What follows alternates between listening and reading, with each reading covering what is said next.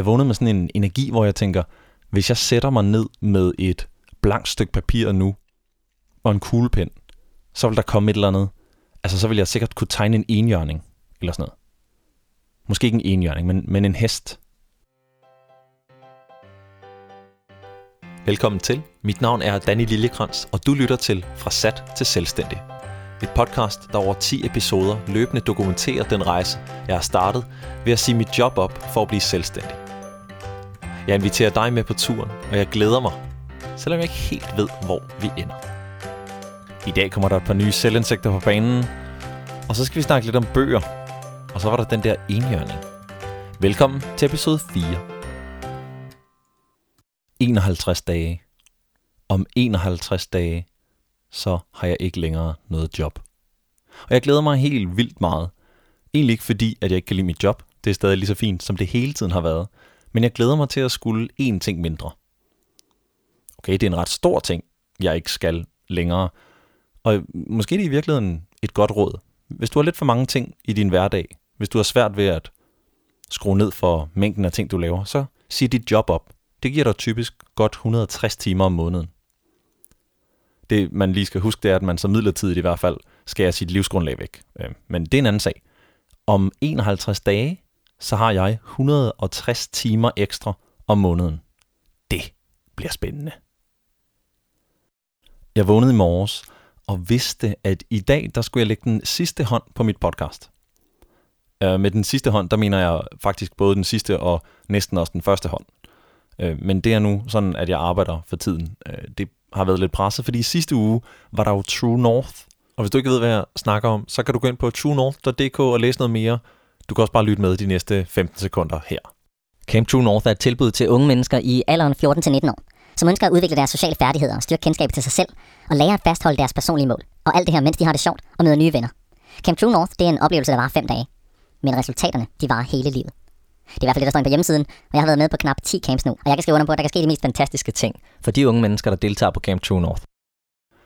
Men som sagt, jeg vågnede i morges og vidste, at jeg skulle lægge den sidste hånd på mit podcast. Og der, i morges var der et eller andet, der var en lille smule anderledes. Jeg vågnede med sådan en følelse af at være kreativ på en måde, som jeg ikke vågner hver morgen. Jeg vågnede med sådan en energi, hvor jeg tænker, hvis jeg sætter mig ned med et blankt stykke papir nu, og en kuglepen, så vil der komme et eller andet. Altså, så vil jeg sikkert kunne tegne en enhjørning, eller sådan noget. Måske ikke en enhjørning, men, men en hest. Eller, altså jeg vil i hvert fald kunne tegne sådan en, en, øh, en hund, eller sådan en, du ved, sådan en fire... Nej, okay, you get my point. Jeg vågnede i morges med sådan en følelse af overskud, rummelighed, kreativitet, som jeg ikke vågner med hver morgen. Og jeg tror i virkeligheden, at når jeg går ind til opgaver med sådan god energi, så gør jeg det på to forskellige måder. Den ene måde, det er den der, hvor jeg går ind, fordi formålet er bare er så stort. Det er for eksempel, når jeg er på Camp True North. Så går jeg ind til det med sådan en følelse af, at her skal jeg bare gøre en forskel. Her skal jeg være med til at ændre liv for folk, som kommer og glæder sig til at lære noget nyt, møde nogle nye mennesker og have en fantastisk uge. Der får jeg lynhurtigt masser af energi. Uanset hvor meget jeg har sovet, så har jeg masser af energi på det. Så det er den ene måde, når formålet virkelig er tydeligt for mig. Og så er der den anden måde, og det var den, jeg oplevede i morges. Det er den der måde, hvor jeg flere dage i træk har forberedt mig, gjort klar til den her måde at vågne på. Hvor jeg virkelig sådan, måske ubevidst, men det er altså, der er noget at optrin. Og det, der skal til, det er i virkeligheden meget, meget simpelt, men også meget, meget vigtigt, for at det her overhovedet kan lykkes. Det, der skal til, er, at jeg får sovet. Og i morges vågnede jeg og har sovet 8 timer de sidste par dage hver nat. Er det ikke åndssvagt? Er det ikke åndssvagt, at noget så simpelt som at sove nok hver nat, det giver sådan en helt unik følelse af at være mere kreativ, end jeg troede, jeg var. Det er jo det vilde ved det, ikke? Det er, at man glemmer, hvor kreativ man er, eller hvor rummelig man er, eller hvor, hmm, hvor meget energi man har på lige at få ryddet op, eller hvor meget, hvad end det er, du har brug for at være mere af i dit liv, så jeg er ret sikker på, at hvis du sov nok, så vil du have betydeligt mere, end du troede var muligt at hente ud af dig selv, hvis du altså normalt ikke får søvn nok. Og det er nok de fleste af os, der falder i den kategori.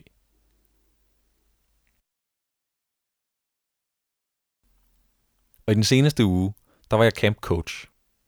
Det betyder, at jeg arbejder allermest sammen med de unge mennesker, som enten har haft en svær tid inden campen, eller som måske kæmper lidt med angsten for at fremlægge foran andre. I den her uge var det for nogen rigtig, rigtig svært. Andre gange så er der camps, hvor de fleste har det sådan mellem farligt, eller sådan mellem okay med at fremlægge foran andre. Det er altid forskelligt. Der er også nogle mennesker, som har svært ved at møde nye venner, på grund af generthed eller sådan noget.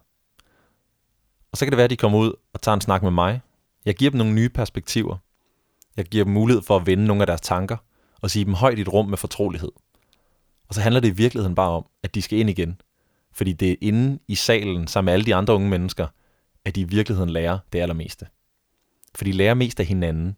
De lærer jer at se, hvordan hinanden agerer, og så er de bare rollemodeller for hinanden på alle mulige forskellige leder. Og de fleste af dem, de ved det ikke engang selv. I løbet af sådan en uge der, der går det også op for mig, hvor meget jeg egentlig har fået ud af den coachinguddannelse, jeg tog for et lille års tid siden.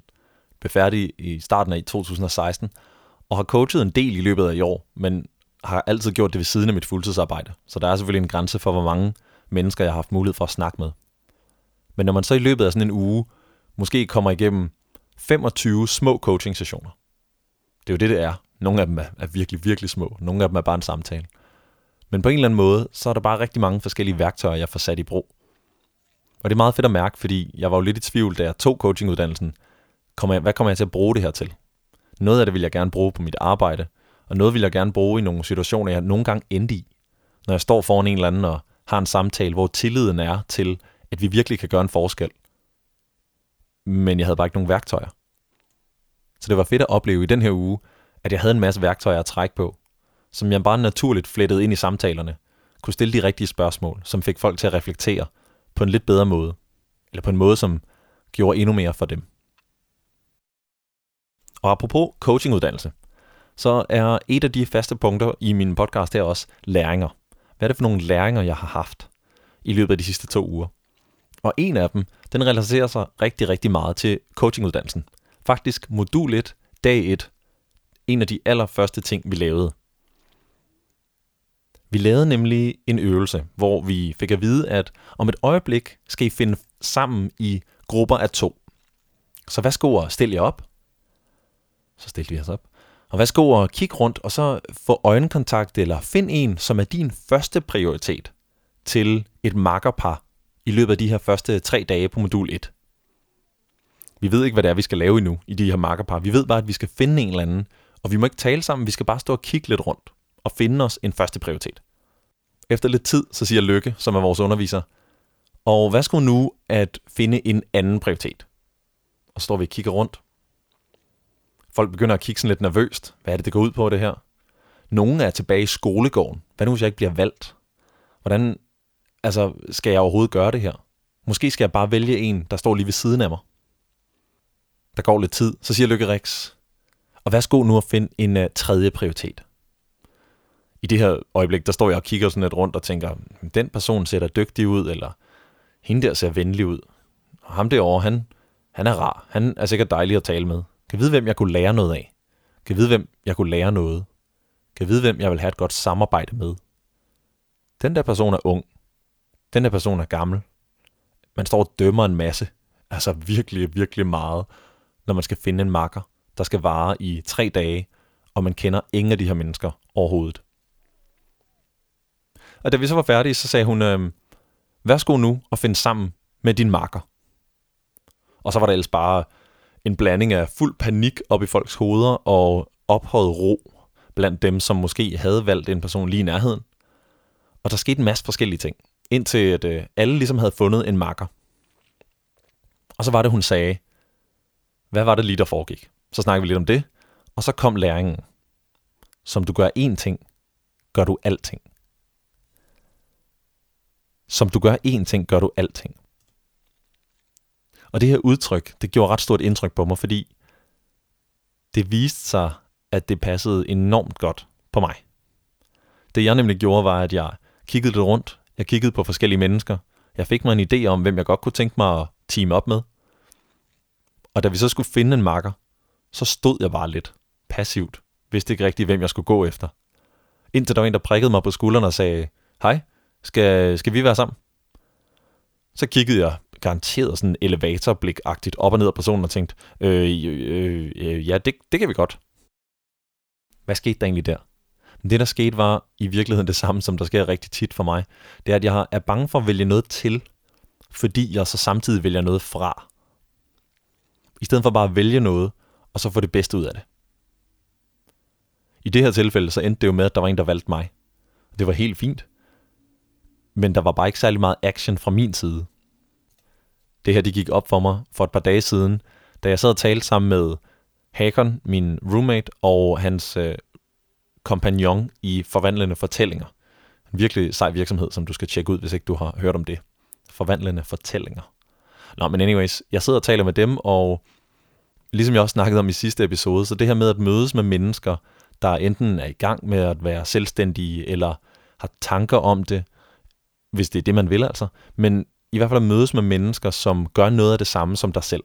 Det giver dig mulighed for sparring, det giver dig mulighed for øh, at blive udfordret på dine tanker. Og det samme skete her. Jeg fik nogle indsigter, fordi vi sammen sad og reflekterede over nogle af de ting, vi, vi hver især laver.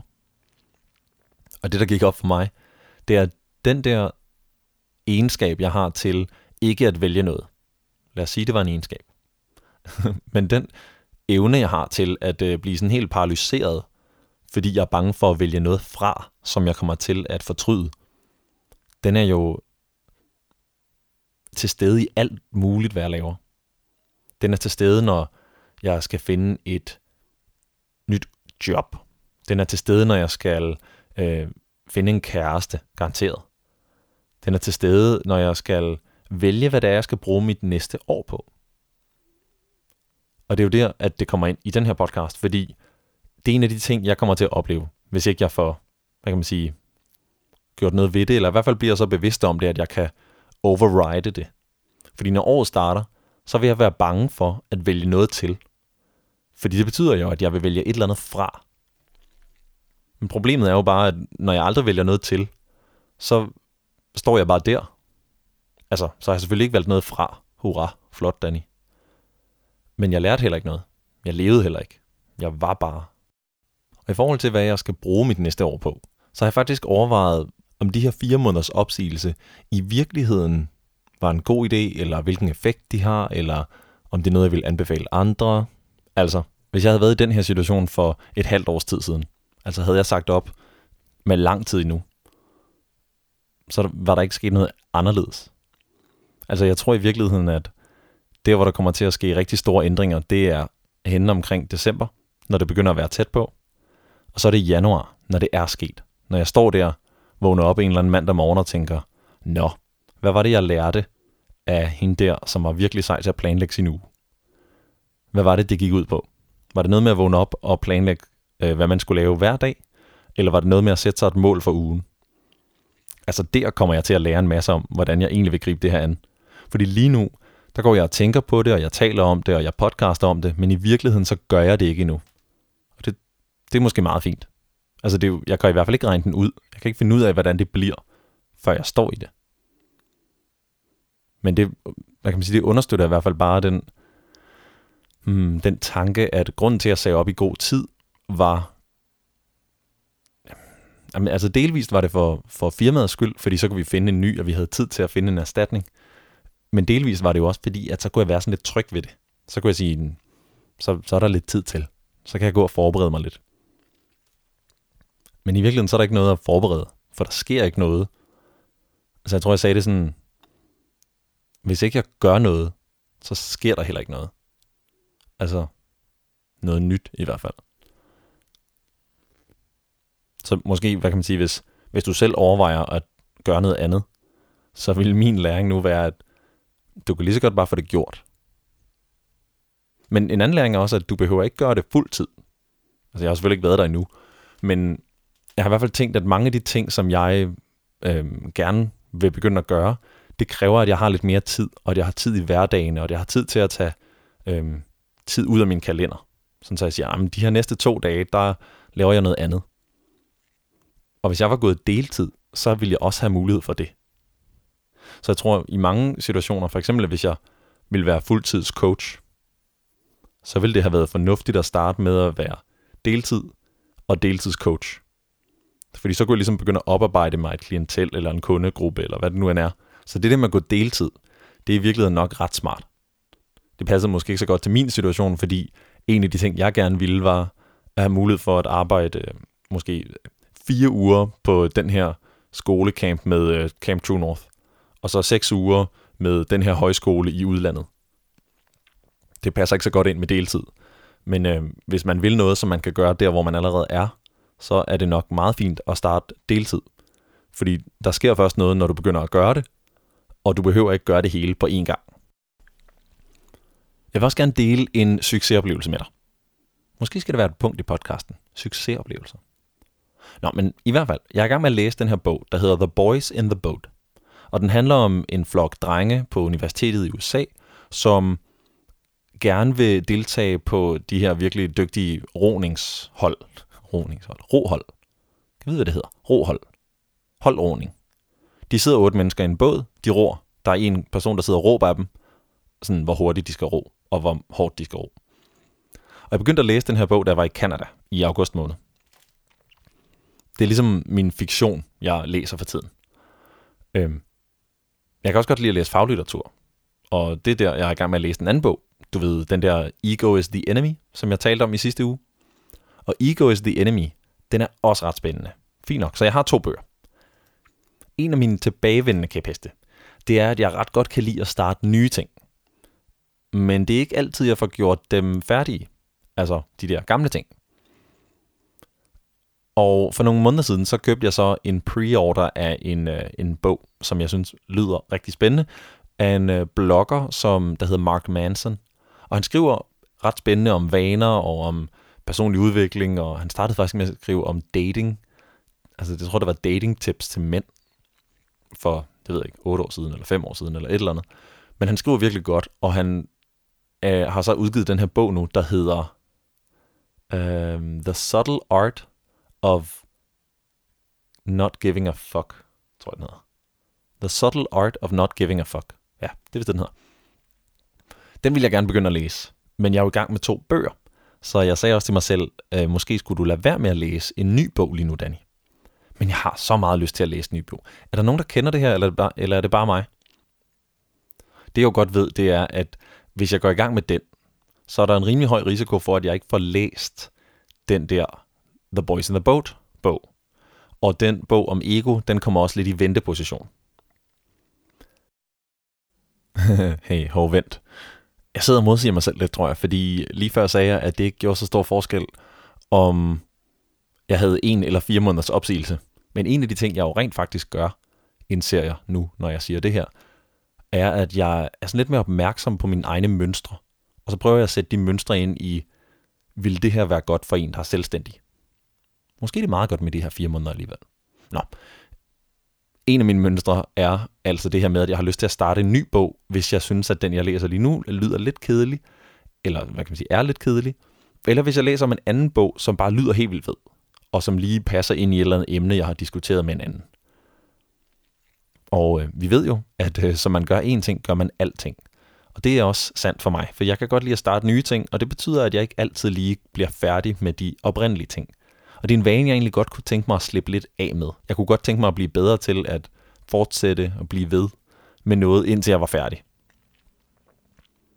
Og øh, det vi ved om vaner, det er, at vaner de består af tre ting. De består af en trigger, altså et eller andet, som starter vanen.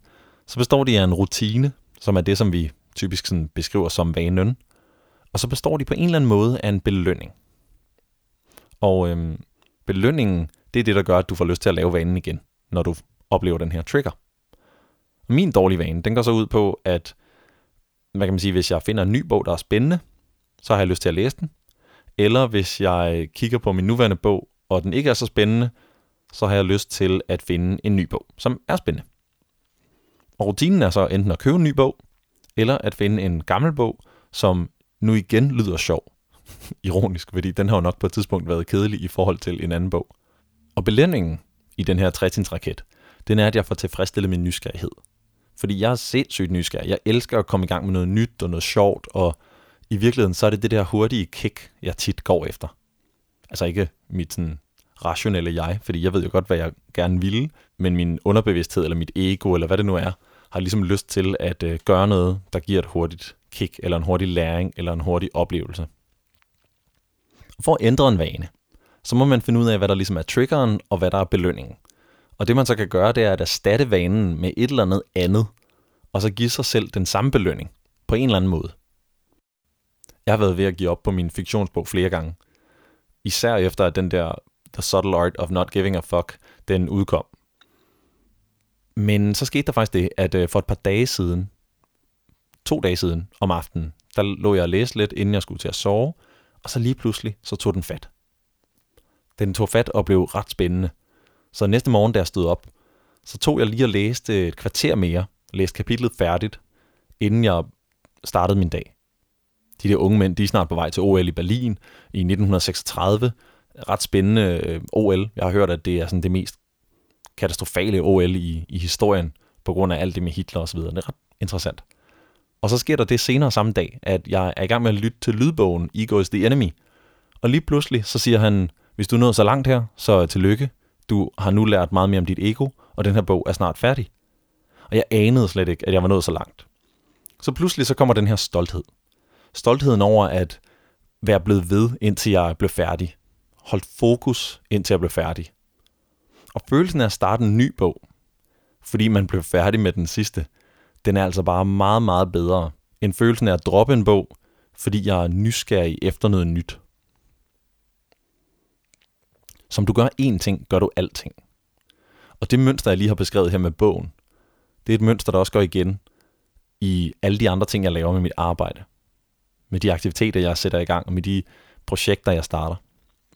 Og det at være blevet opmærksom på det her mønster, det betyder også bare, at jeg kan begynde at ændre det. Jeg begynde at gøre noget, som er bedre for mig. Noget, som er bedre for mig på den rejse, jeg ligesom skal ud på nu. Det, der kommer til at ske i den næste kommende periode, er faktisk, at jeg ikke har nogen større planer. Det betyder, at jeg har tid til at skrive de artikler, jeg gerne vil skrive til min hjemmeside. Og det betyder, at jeg måske kan vende lidt tilbage til at planlægge det næste år. For eksempel har jeg en USA-tur, jeg gerne vil planlægge. Og jeg har også en Mellemamerika-tur, jeg overvejer at planlægge. Der er altså nogle ting, der ligger og er mulighed for at øh, få kigget på. Og jeg glæder mig til det. Jeg glæder mig til at fortælle dig om dem næste gang. Det her, det var episode 4. Og en af de nye indsigter er, at øh, selvom der måske ikke sker noget stort i forhold til mine planer, medmindre jeg altså gør noget, så bruger jeg alligevel tiden fornuftigt til at forberede mig mentalt. Har jeg de vaner, og har jeg den selvdisciplin, jeg forventer at få brug for? Måske er det også en fase lige nu, at der sker mest med den personlige udvikling, og ikke så meget med de konkrete planer. Det forventer jeg derimod, der begynder at gøre, når vi nærmer os december. Og der er jo ikke så lang tid til igen. Tak for denne gang, og bliv endelig ved med at sende feedback, når du kommer på det. Du kan sende en mail til liljekrans eller skrive til mig på Facebook. Du har lyttet til Fra Sat til Selvstændig med Danny Liljekrans. Læs mere på liljekrans.com-podcast.